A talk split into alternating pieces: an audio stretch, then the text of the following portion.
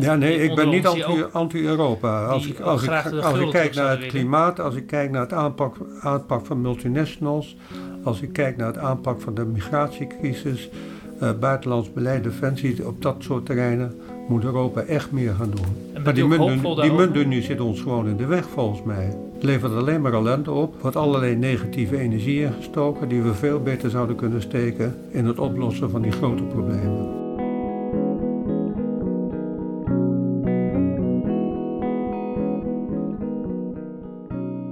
Bert de Vries ronde begin van dit jaar een boek van bijna 700 bladzijden af. Over het kapitalisme. De ondertitel luidt Hoe het kapitalisme ontspoorde en na de coronacrisis kan worden hervormd. Een van de hervormingen die hem voor ogen staan is het afschaffen van de Europese muntunie. En dat terwijl hij daar als minister van Sociale Zaken zelf mede groen licht voor gaf. Dat het kapitalisme toe is aan hervorming wordt steeds breder ervaren. Net bekomen van de bankencrisis in 2008 verkeren we nu in een enorme crisis als gevolg van het coronavirus. Wereldwijd zitten tientallen miljoenen zonder baan. Is de groei ingestort en zijn economische activiteiten bijna tot stilstand gekomen. Veel bedrijven worden overeind gehouden met staatssteun. Om nog maar te zwijgen van de enorme druk van het klimaat. Het systeem kraakt in zijn voegen. En zelfs de Financial Times, de grootste zakenkrant ter wereld, schreef begin april dat er radicale hervormingen op tafel moeten komen. Ze pleit voor een actievere rol van de overheid. En meneer De Vries, luidt de coronacrisis het einde van het kapitalisme in? Vast niet. ik vind dat het kapitalisme wel ontspoord is, maar eh, dat is wat anders als dat ik vind dat het kapitalisme afgeschaft zou moeten Ja. worden. Nou, u geeft in het boek ook helemaal geen alternatief. het, zou hervormd moeten worden Ja. op een aantal Ja. punten. Ja, nou, het lijkt me goed om het daarover te, over te hebben in dit Ja. gesprek, over die hervormingen. Wat bedoelt u eigenlijk met, eh, ja, als u spreekt over het begrip kapitalisme?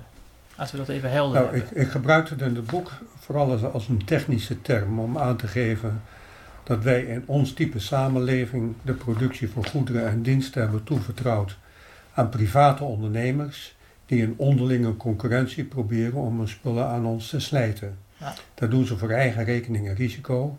En dat gebeurt doordat ze hun producten aanbieden op wat dan heet markten. Vroeger waren dat fysieke markten.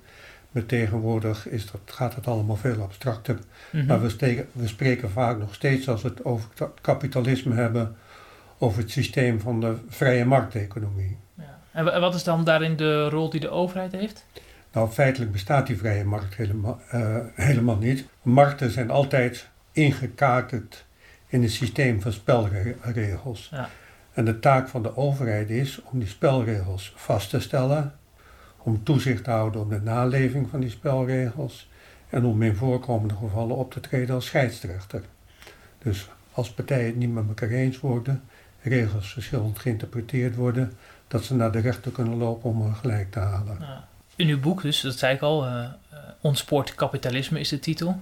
Bijna 700 pagina's eh, dik. Net geschreven, eigenlijk afgerond toen de coronacrisis ehm Ja, het boek was voor klaar. de deur stond. Het was klaar toen de corona, voordat de coronacrisis uitbrak. Het zou op, eh, op 17 april gepresenteerd worden. En dan zou ik het aanbieden aan Nout Welling, de president van de Nederlandse Bank.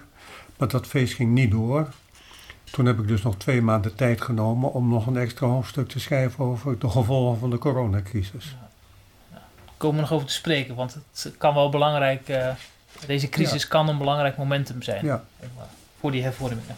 Eh, maar het, eer- in het eerste deel geeft, legt u eigenlijk, eh, ja, geeft u eigenlijk geschiedenisles eh, in het boek. Hè? Hoe is het kapitalisme ontstaan?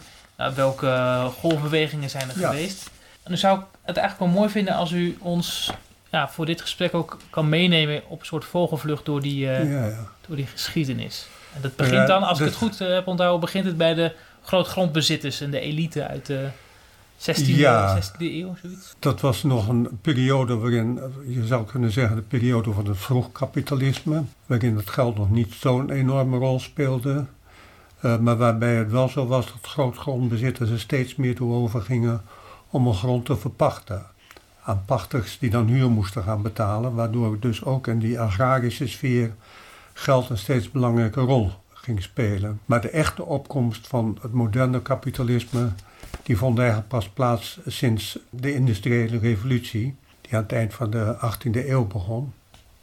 En als je dan kijkt naar de processen die zich daarna voltrokken, dan denk ik dat je een paar sporen kunt onderscheiden. In de eerste plaats het spoor van de technische vooruitgang. Door die technische vooruitgang is de mensheid in staat om steeds meer goederen en diensten te, te produceren. Dus dat mhm. is de positieve kant van de technische vooruitgang. Schumpeter noemde, te, karakteriseerde dat proces als een proces van creatieve destructie. En dan kijk je, zie je de negatieve kant ervan.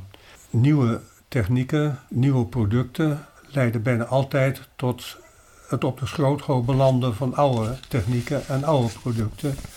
Dat betekent dat je een systeem wat, wat, waarin er voortdurend nieuwe winnaars ontstaan, maar ook nieuwe verliezers. Systeem dus wat voortdurend gekenmerkt wordt door aanpassingsprocessen. En die aanpassingsprocessen hebben sociale gevolgen natuurlijk.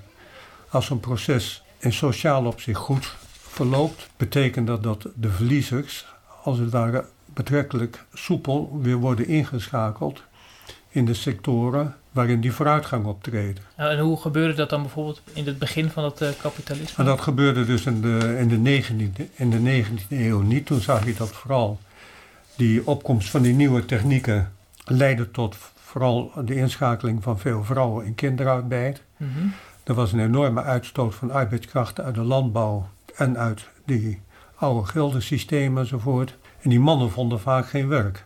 Met als gevolg dat het vaak drie of vier generaties duurde voordat de onderkant van de samenleving een beetje begon te profiteren van die technische vooruitgang. Dus aan de ene kant zag je dus dat het productieve vermogen van de samenleving sterk toenam. Aan de mhm. andere kant zag je dat de onderkant van de samenleving er volstrekt niet van profiteerde. En dat de levensomstandigheden daarvan steeds ja, het steeds, steeds werden. Ja, slecht. Ze hadden nog goed leven toen ze nog op het land werkten. Nog, nog redelijk. Maar in ieder geval, er was in, sprake, in plaats van vooruit, vooruitgang, was er sprake van achteruitgang. Met als gevolg dat miljoenen mensen uit West-Europa emigreerden naar de nieuwe wereld om te proberen daar een nieuw bestaan op te bouwen. Ja. Pas tegen het eind van de Dat beeld kantelde aan het einde van de 19e eeuw, legt Bert de Vries mij uit.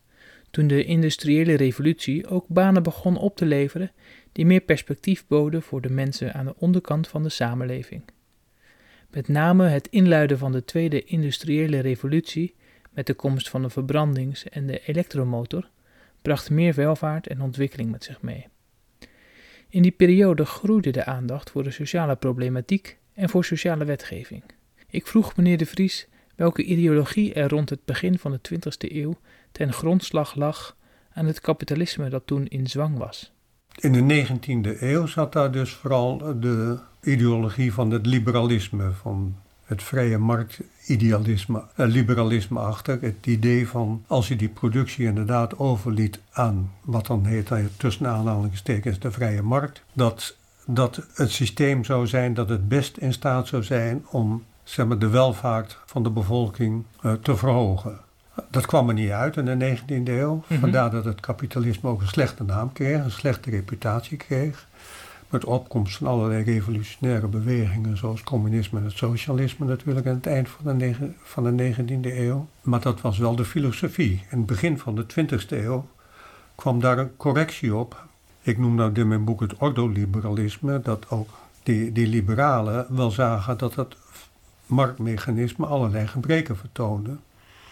En die hadden toen het ideaal om door een aantal hervormingen de gebreken van het kapitalisme, of de ernstigste gebreken van het kapitalisme, in ieder geval te verhelpen. En dat ging bijvoorbeeld om het bestrijden van monopoliepositie, het monopolieposities, bestrijden van kartels, dus misbruik maken van economische macht, om dat zoveel mogelijk tegen te gaan. Maar ook om de positie van de arbeidende klasse wat te versterken, bijvoorbeeld door het recht op CAO-onderhandelingen, dus collectieve loononderhandelingen, om vakbonden een betere positie te geven. En, en die hervormingen, konden die makkelijk toen worden doorgevoerd? Of was daar ook een crisis voor nodig? Uh, ik denk dat de crisis van de jaren 30 daar een hele belangrijke rol bij heeft gespeeld. De opkomst van het communisme heeft een belangrijke rol gespeeld. Uh, in het Westen voelde men zich dus toch wel bedreigd door de rivaliteit, de concurrentie van dat uh, nieuwe communistische systeem. Groeiende aanhang van de bevolking voor communistische ideologieën en het socialistische ideologieën. Dat heeft zeker een hele belangrijke rol gespeeld bij de uh, bereidheid ook bij de, zeg maar, de meer traditionele partijen om zich positief op te stellen tegenover de opkomst van de verzorgingsstaat. Ja. En waren eh, de grote bedrijven. Die verzorgingsstaat. Op de puinhopen van de Tweede Wereldoorlog kwam een economie tot bloei die ongeveer tot de jaren 70 stand hield. In zijn boek Ontspoord kapitalisme is Bert de Vries enthousiast over deze periode, die hij de Gouden Periode noemt. De levensstandaard van alle Nederlanders steeg, en flink ook. Er was voldoende werkgelegenheid, jongeren kregen volop mogelijkheden om te studeren, en ouders hadden het gevoel dat als hun kinderen een beetje hun best deden, ze een betere toekomst tegemoet gingen. Daar kwam de opbouw van de sociale verzekeringen nog bovenop. Mensen kregen het gevoel dat ze van de wieg tot het graf verzekerd waren. Er was veel bestaanszekerheid. Maar aan het einde van de jaren 70 begint deze vooruitgang volgens de Vries te kantelen. Ja, we hebben in de jaren 70, toen begon dat systeem te ontsporen. Twee oliecrises hebben daar een hele belangrijke rol in gespeeld. Olieprijzen schoten ineens enorm omhoog. Dat betekent dat er heel veel uh, geld meer nodig was om de importen van die olie te betalen. Mhm. Plus dat dat leidde tot ook, ook een eh, sterke inflatie. Eigenlijk de hele, alle concurrentieverhoudingen in de wereld werden een beetje door elkaar geschud. En dat leidde tot een, tot een behoorlijke ontwrichting van het systeem. Tegelijkertijd leefden we toen nog in een situatie dat zeg maar, uh, de linkse politiek en de vakbeweging zich oppermachtig voelden en het gevoel hadden van, nou ja, er kan van alles mis zijn, maar de prijs daarvoor moet maar betaald worden door het bedrijfsleven en niet door ons als gewone werknemers. Dat leidde tot afwenteling van allerlei uh, uh, kosten en zo. En het systeem raakte daardoor in het ongereden. Het was heel begrijpelijk dat het vanuit het bedrijfsleven toen een soort tegenreactie was. De alles goede wel, maar de basisvoorwaarden voor een gezonde economie is toch een gezond bedrijfsleven. En die gezondheid, gezondheid van het bedrijfsleven liet echt de wens over. Dus overheid is toen ook wat meer geleidelijk aan partij gaan kiezen voor het bedrijfsleven. Maar dat is een proces geweest, aanvankelijk een hele gezonde correctie, maar die wel is doorgeslagen. En we gingen geleidelijk aan dus van, nou ja, wat dan heette een stakeholderskapitalisme, waarbij gekeken werd naar de belangen van alle partijen, mm. Naar een shareholderskapitalisme, waarbij alleen de belangen van de aandeelhouders nog topprioriteit ja, kregen. En dat belang is zoveel mogelijk winst. Ten koste van, ten koste van alles. Van alles. Nou, in diezelfde periode trad dus uh, de globalisering op. Zijn we een absolute vorm van vrijhandel. Voor de, voor de Tweede Wereldoorlog heeft vrijhandel eigenlijk nooit bestaan. Was het zo dat landen wel met elkaar concurreerden, maar tegelijkertijd een beleid voerden om hun eigen bedrijfsleven zoveel mogelijk te beschermen. Dus er was een behoorlijke mate van protectionisme. Na de Tweede Wereldoorlog is men steeds meer gaan kiezen voor het loslaten van die vormen van protectie. Mhm. Aanvankelijk leidde dat niet tot heel grote problemen, omdat concurrentie vooral plaatsvond tussen landen met min of meer vergelijkbare systemen. Maar toen transportkosten gingen dalen, uh, containersvaart opkwam, uh, allerlei vernieuwingen in, op het terrein van, van communicatie optraden, toen werd het ineens aantrekkelijk om, grote delen van de productie te verplaatsen naar lage lonenlanden. En dat, ja, dat, dat, dat proces voltrok zich min of meer tegelijkertijd met die opkomst van wat ik dan noem dat superkapitalisme. De bedrijven gingen steeds meer de belangen van de aandeelhouders verabsoluteren. En ze gingen er in steeds grotere mate toe over om laaggeschoolde arbeid te verplaatsen naar lage lonenlanden. Ja, waardoor er eigenlijk aan de onderkant. Waardoor aan de onderkant van de samenleving, zeg maar, het bestaan steeds onzekerder werd. Ja. Dat leidde geleidelijk aan ook tot een soort tweedeling op de arbeidsmarkt. Aan de bovenkant, voor de hoger geschoolden, waren er nog, kwamen er nog steeds nieuwe interessante banen beschikbaar. Mhm. Maar voor de onderkant van de samenleving werd het steeds moeilijker en werd het bestaan steeds onzekerder. Nou, dat ging dan ook nog eens een keer met gepaard met de opkomst van uh, allerlei vormen van flexarbeid, waarbij de vaste banen in steeds mindere mate beschikbaar kwamen en de onderkant van de samenleving steeds meer werd aangewezen op, op uh, flexarbeid, die, die heel weinig, niet alleen weinig uh, bestaanszekerheid, maar ook weinig inkomen opleverden. Ja, is er dan nog een, een spoor waar het uh, kapitalisme ontspoorde? Nou, dan hebben we gehad de globalisering, hebben we, we, hebben het aandeelhouderskapitalisme gehad, we hebben de, de, de technische vooruitgang, speelde daar ook een rol bij, omdat uh, door de opkomst van die digitale samenleving toch uh, er steeds hogere eisen worden gesteld aan mensen die interessante functies uh, verdienen. En tegelijkertijd door de automatisering steeds meer laagwaardige arbeid wordt weggeautomatiseerd. Dus ook dat speelt ja, ja, ja. een rol in dat hele proces van wat dan wel heet de baanpolarisatie. Welke gevolgen van die ontsporing vindt u dan het meest ergelijk? Wat ik het meest bedreigend vind is dus dat de bestaanszekerheid van grote delen van de samenleving onder druk komt te staan. Daardoor ontstaat een soort tweedeling in de samenleving. Mm Onderkant van de samenleving voelt zich steeds, heeft steeds meer minder het gevoel dat zijn belangen uh, in goede handen zijn bij dit systeem. Ja. Uh, de bovenkant van de samenleving ja, raakt ook allerlei ontwikkelingen ook een beetje vervreemd van die onderkant. Omdat je ziet dat ook in de sociale sfeer mensen steeds meer de neiging hebben om partners te zoeken in de eigen kring. Dus de hoger opgeleiden die kiezen partners die hoog opgeleid zijn, de lager opgeleiden. Dus er ontstaat een soort, ja, in allerlei opzichten een tweedeling in de samenleving die aanleiding geeft tot vervreemding. En dat gaat dan, is helaas gepaard gegaan ook nog vanaf de jaren tachtig met een afbraak van allerlei arrangementen die bescherming boden aan die onderkant van de samenleving. Die sociale bescherming. Nou, sociale zekerheid, de rechten van werknemers, werkloosheidsuitkeringen zijn verslechterd, arbeidsongeschiktheidsuitkeringen zijn verslechterd. Werkgevers zijn verantwoordelijk geworden voor een steeds groter deel van de ziektekosten van hun personeel. Met als gevolg dat ze steeds meer de neiging hebben gekregen om geen vaste banen te bieden, maar flexwerkers de verantwoordelijkheid voor dat soort dingen niet voor hoeven te dragen. Dus uh, pensioensystemen zijn versoberd.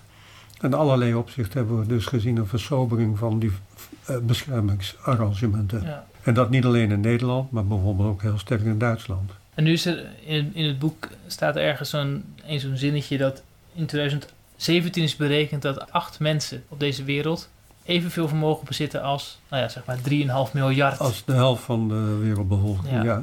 ja. ja dat, is, dat is op zich al even schrikken. Maar... Heel, heel extreem is dat.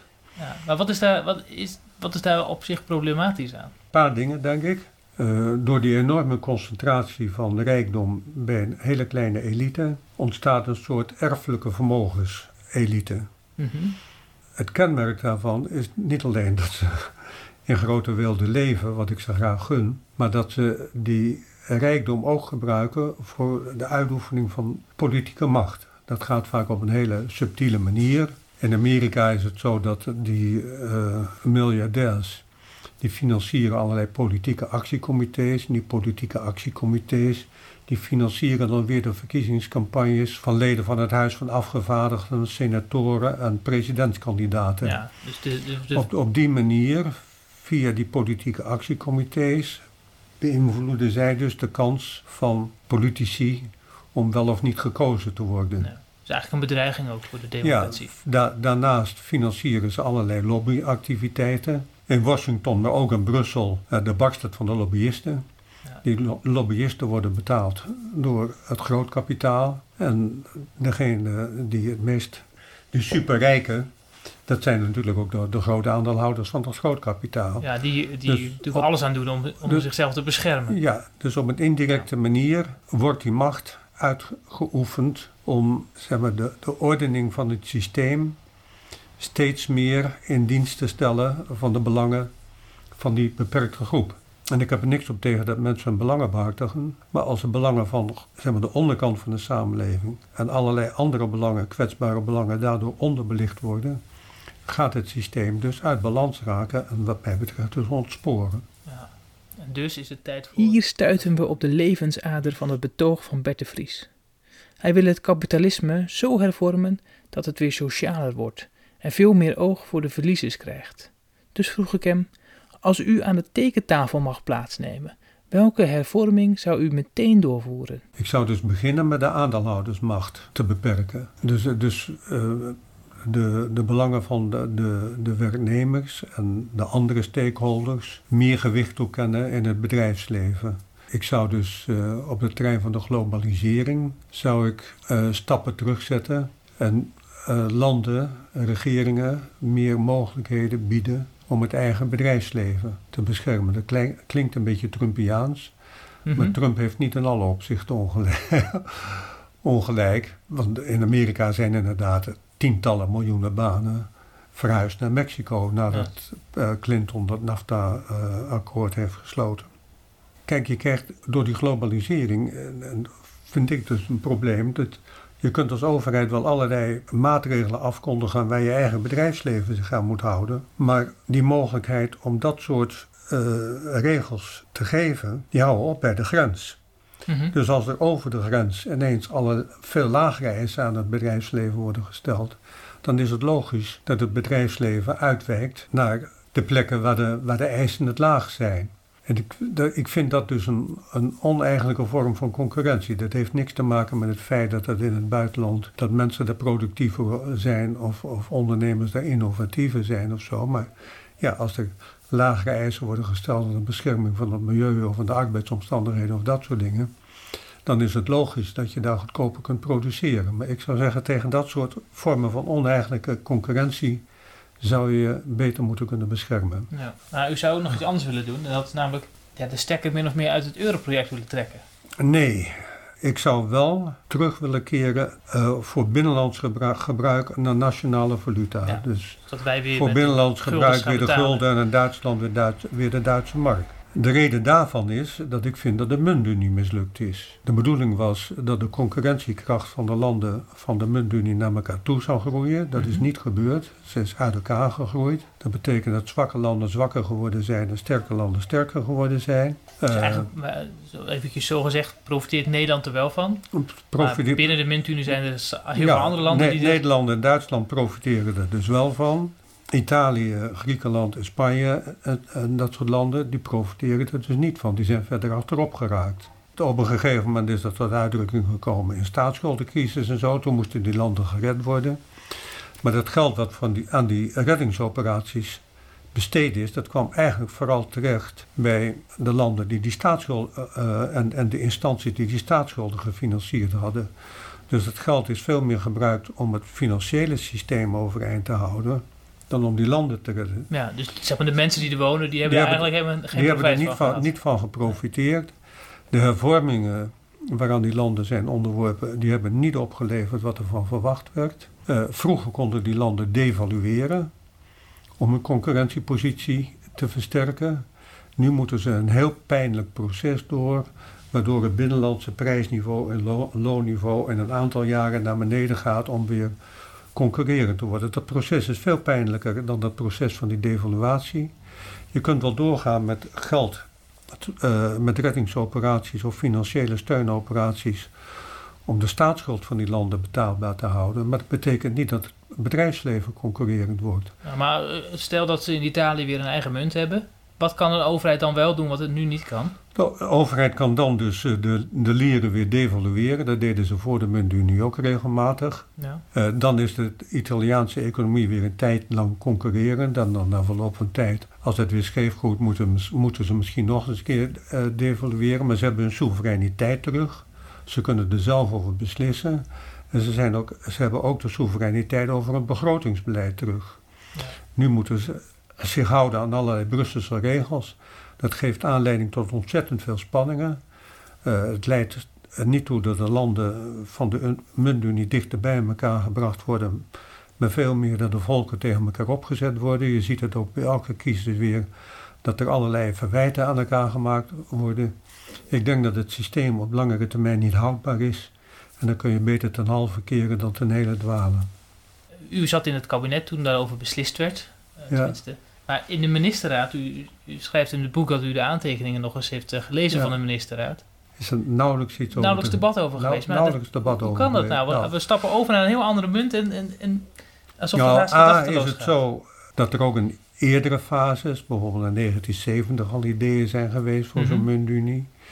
En die kwamen dan op en dat stierf dan stelkens weer een zachte dood.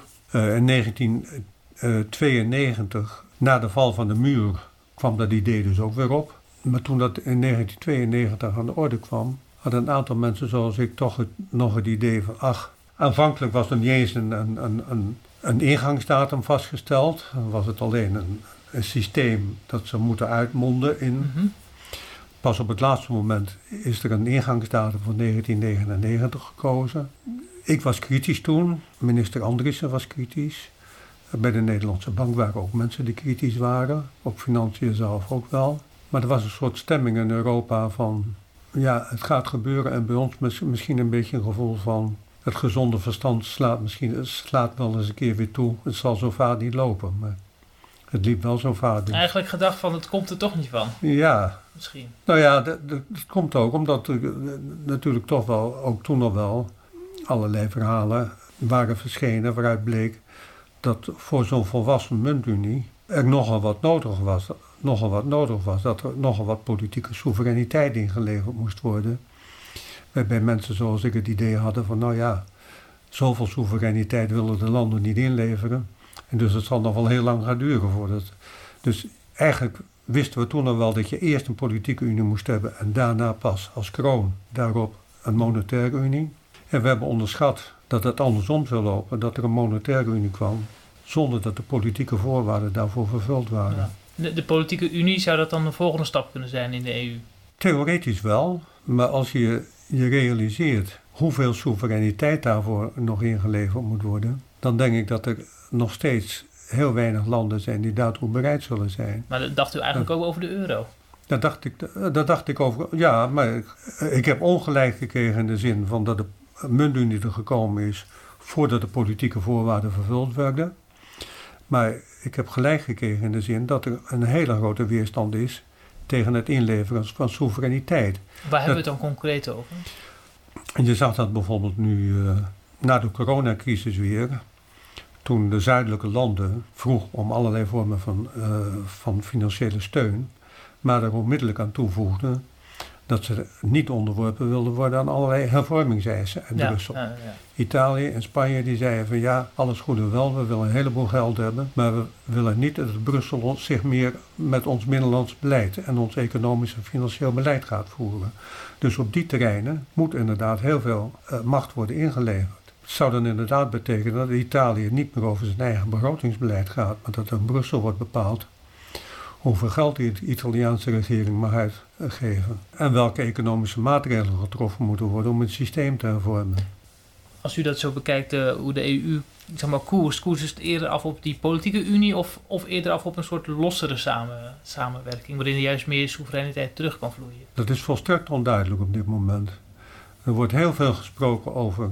Nou ja, er is dan het herstel, herstelfonds opgetuigd van 750 uh, miljard, dat klinkt heel veel, maar als je kijkt naar hoeveel landen als mhm. Italië en, Spanje daarvan krijgen, dan komt dat neer op, op hooguit zo'n 5% van het bruto nationaal product.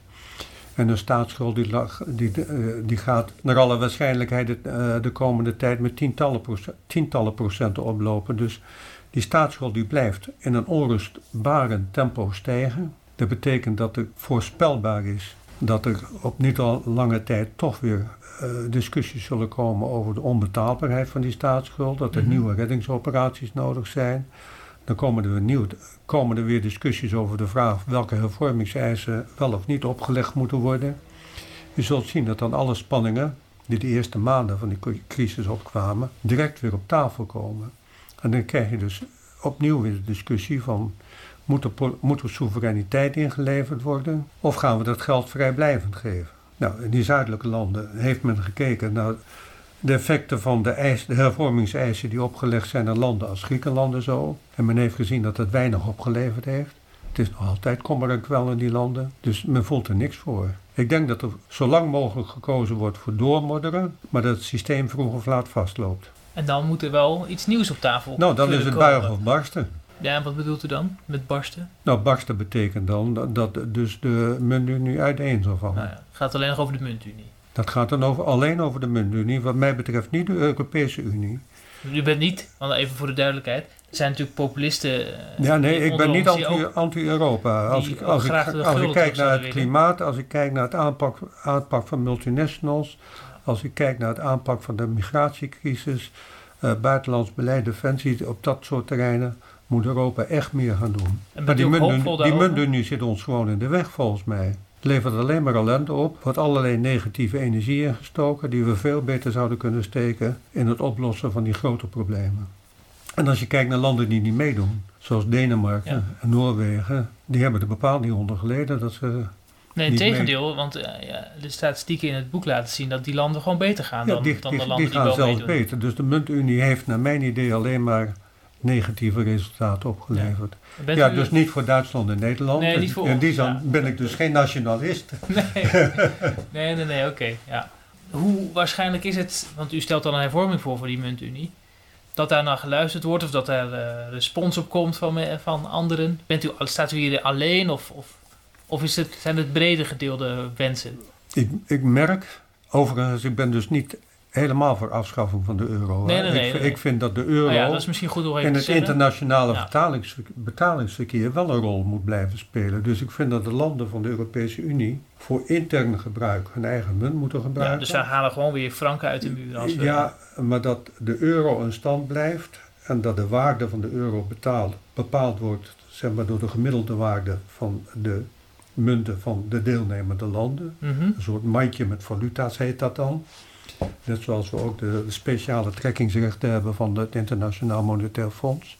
En dat die euro op die manier voor het buitenlandse betalingsverkeer van de deelnemende landen wel een belangrijke rol blijft spelen. Dus even voor mijn beeld, als je dan als Chinese onderneming iets levert of iets wil kopen uit Europa, dan kun je gewoon in euro's over. Dan moet je in euro's betalen. Dan hoef je niet in de Franse ja, franken te ja, betalen. Ja, en dan gaat de Europese Centrale Bank, die gaat vervolgens die Nederlandse leverancier betalen in guldens. Dus die, die, ja, die euro's die spelen een rol zeg maar, in dat betalingsverkeer waar de Europese Centrale Bank de spin in het web is.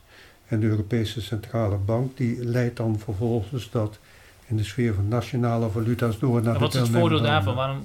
Ik denk dat de euro dan in het internationale betalingsverkeer een, en ook in, in het internationale financiële uh, verkeer, kapitaalverkeer, een veel belangrijke rol kan spelen dan de nationale valuta's. En een soort concurrent kan worden van de dollar en van de Chinese renminbi.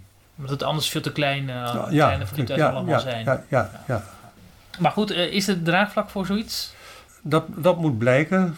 Laat ik het zo zeggen. Als het gaat om mijn analyse dat de euro mislukt is, de Europese muntunie, dan krijg ik daar weinig kritiek op. Ah, ja. Inhoudelijk is men het eigenlijk met die analyse wel eens. Alleen de conclusie die ik eruit trek van, ja, dan kan je beter dus weer terug naar die nationale munten voor het binnenlands verkeer en de landen dus de, weer de gelegenheid geven om een stuk soevereiniteit teruggeven in de sfeer van eigen wisselkoersbeleid en begrotingsbeleid. Dat, dat is slikken, dat, dat, dat vinden heel, mensen heel moeilijk om dat, dat, om dat te accepteren. Er is zoveel politiek kapitaal in die euro geïnvesteerd. Dat, dat, dat komt ook, ook een beetje neer op het erkennen van een nederlaag. En dat doen politici Ja. niet graag, en centrale bankiers. Bovendien zijn er natuurlijk een, ook een hoop instellingen die belang hebben bij het overeind houden van de muntunie. Nou, we zitten midden in die coronacrisis, of eigenlijk staan we waarschijnlijk nog aan het begin van de financiële crisis of de economische crisis die, er, eh, die, dat, uh, die dat zou veroorzaken. Ja, is het dan hoopvol gedacht om te denken van, nou, dit kan een moment zijn waarop het om kan slaan, waardoor hervormingen wel kunnen gebeuren? Want als je kijkt naar de crisis in 2008, ja, toen, toen we ook het kapitalisme van een hele lelijke kant hebben gezien, zou je ook denken, ja, dat was het moment om even door te pakken om uh, die banken en die financiële markten te hervormen. Het is, Niks er, gebeurd. het is er niet van gekomen, Nee. nee. nee. Kwam, of komt dat omdat er toen niet echt alternatieve plannen voorhanden waren, zoals u, nou ja, u, u doet nu een handreiking voor wat hervormingen. Er is ook wel eens gesuggereerd dat de crisis van 2008 niet diep genoeg is geweest. Hm. Om dus uh, de hervormingskrachten Ja, ja, ja, ik begrijp het. dus uh, voldoende ruimte te bieden. Ook de reddingsoperaties die toen plaats hebben gevonden, hebben ervoor gezorgd dat ja, het bankwezen bijvoorbeeld toch grotendeels overeind is gebleven.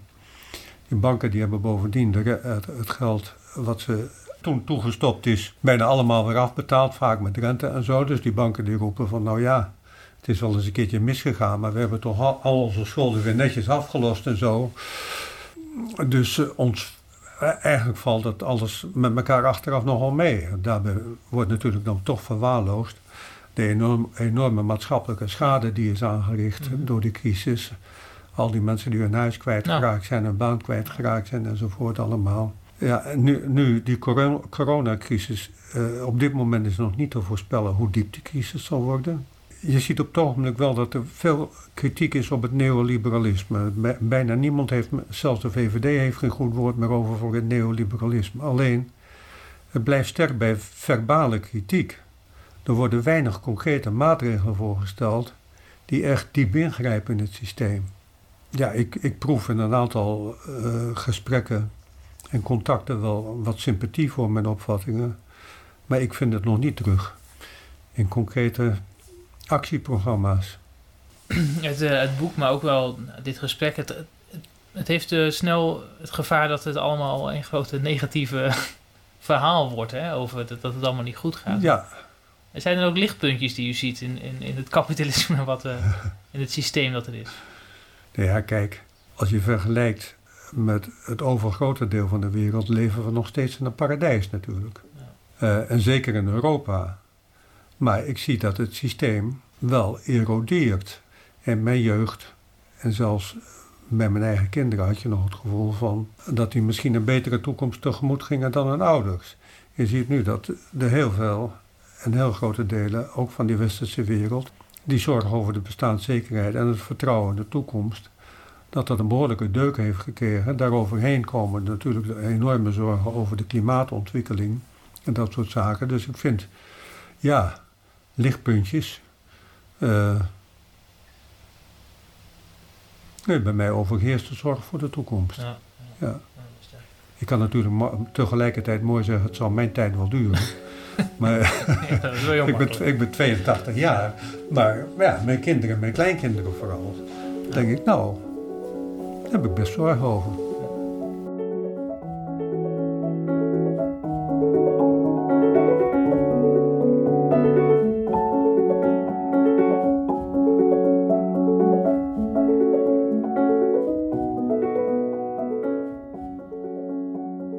Zoek naar meer verdieping en inspiratie? Vind onze essays, meditaties, columns, interviews, video's en podcasts op www.igniswebmagazine.nl.